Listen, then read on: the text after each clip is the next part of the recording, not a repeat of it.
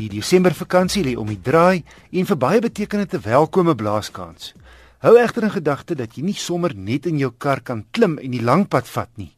Om minstens 3 redes. Jou voertuig gaan heelwat verder ry as gewoonlik.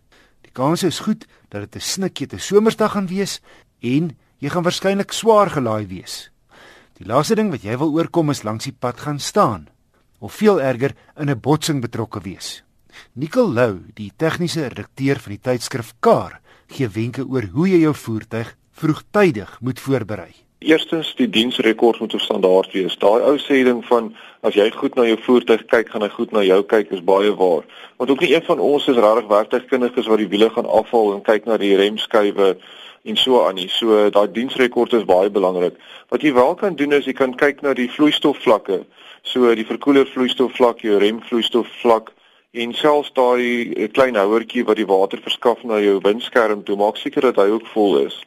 Dan as ons kyk na die bande, natuurlik baie belangrik dat jy kyk na jou banddrukke en jou bandkondisie en veral as jy sê as jou voertuig swaar gelaai gaan wees, kyk in jou eienaars handleiding of selfs op die voertuig self baie keer in die petrolklappie wat is die banddrukke wat benodig word vir 'n volgelaaide voertuig en maak seker dat dit reg is. En moenie die spaarwiel vergeet nie. Baie mense vergeet die spaarwiel om dit ook na te gaan. Natuurlik drukke en kondisie. En uh, wat ek ook wil byvoeg is maak seker dat jy 'n spaarwiel sal kan opsit en wat ek daardeur bedoel is as jy nie karoo vashak en jy kom dan agter dat jy een van hierdie sekuriteitsboude op jou wiele het en jy kort 'n spesiale uh, spesifieke sleutel om dit los te draai en jy het dit lê by die huis dan sien jy moeilikheid. So maak seker dat alles is daar om 'n band te kan verwissel, jou domkrag en jou wielsleutel en so aan. Dan maak seker dat die ligte werk op jou voertuig. So natuurlik die normale padwaardigheidstoetse, maar kyk dat al die ligte werk kyk na jou ruitveer se kondisie ook en na jou vooruit se kondisie dat daar nie krake of enige sulke gebreke by die vooruit is nie. Dan wil ek ook sê kyk dat jou padbelasting betaal is. Daar's natuurlik baie padblokkades en so aan. Dit is nie lekker om 'n vakansie te begin met 'n boete nie en dat jou 'n skyfie op die vooruit aangebring is. Ek persoonlik vat maar altyd basiese gereedskap saam. Ek weet met moderne voertuie is nou nie so onbetroubaar so in die ou dae nie, maar ek glo aan vat maar 'n tang saam, skroewedraaiers, miskien 'n stukkie draad, mes So aan jy wil nou nie langs die pad stop en daar's net 'n pyp wat afgekom het en jy het 'n skroedraad nodig om op terug te sit en jy het dit nie. So definitief kyk daarna ook. Nou wat 'n sleepwa of 'n karavaan aanbetref, wat is die tipe goed waarna ou moet kyk? Wissels baie mense um, gebruik 'n sleepwa of 'n karavaan net een keer 'n jaar met die groot vakansie en hy het heel jaar gestaan, jy het hom nie aandag gegee nie.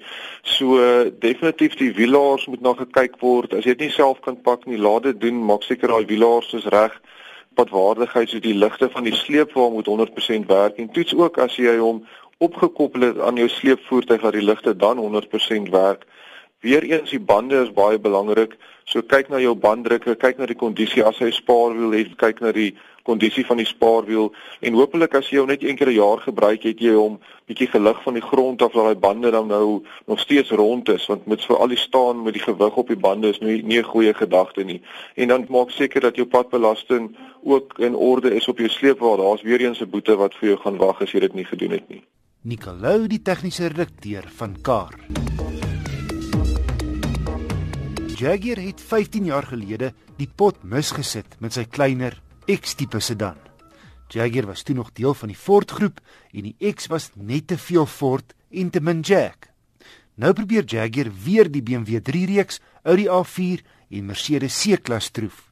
Die slag met die XE. Ek het die 2 liter turbo diesel gery met die dieder en meer sportiewe R sport afwerking. Die voorkoms trek sterk op sy grootboedie XF waarmee ons nou al 'n hele paar jaar vertroud is. Die agterkant so effe verbeeldingloos sou ek sê in elk geval vir 'n Jack.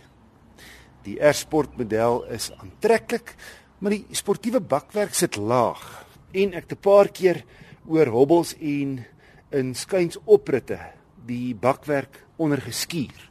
Maar kom ek loer gou wat hier onder aangaan voorlangs is hier sulke plastiek stroke wat laer is as die bakwerk self. So die geskrapery wat ek gehoor het is die beskermende plastiek stroke onder en nie die bakwerk self nie. Maar in elk geval skrikke mense as jy 'n skraapgeluid hoor. Die stuurposisie is perfek en die raakskerm maklik om te gebruik.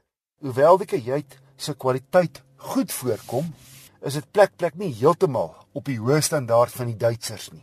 Sekere dele van die paneelbord en hier aan die kant is harde plastiek wat jy nie sommer in jou Duitse wieldewaans kry nie. Soos die 3 reeks en C-klas dryf hy met die agterwiele, maar die breë prominente aandrywingstonnel beperk nogal beenspasie vir 'n derde passasier agter. Dinamies blink die Jaguar egter uit. Sy 2 liter turbo diesel skop 132 kW uit.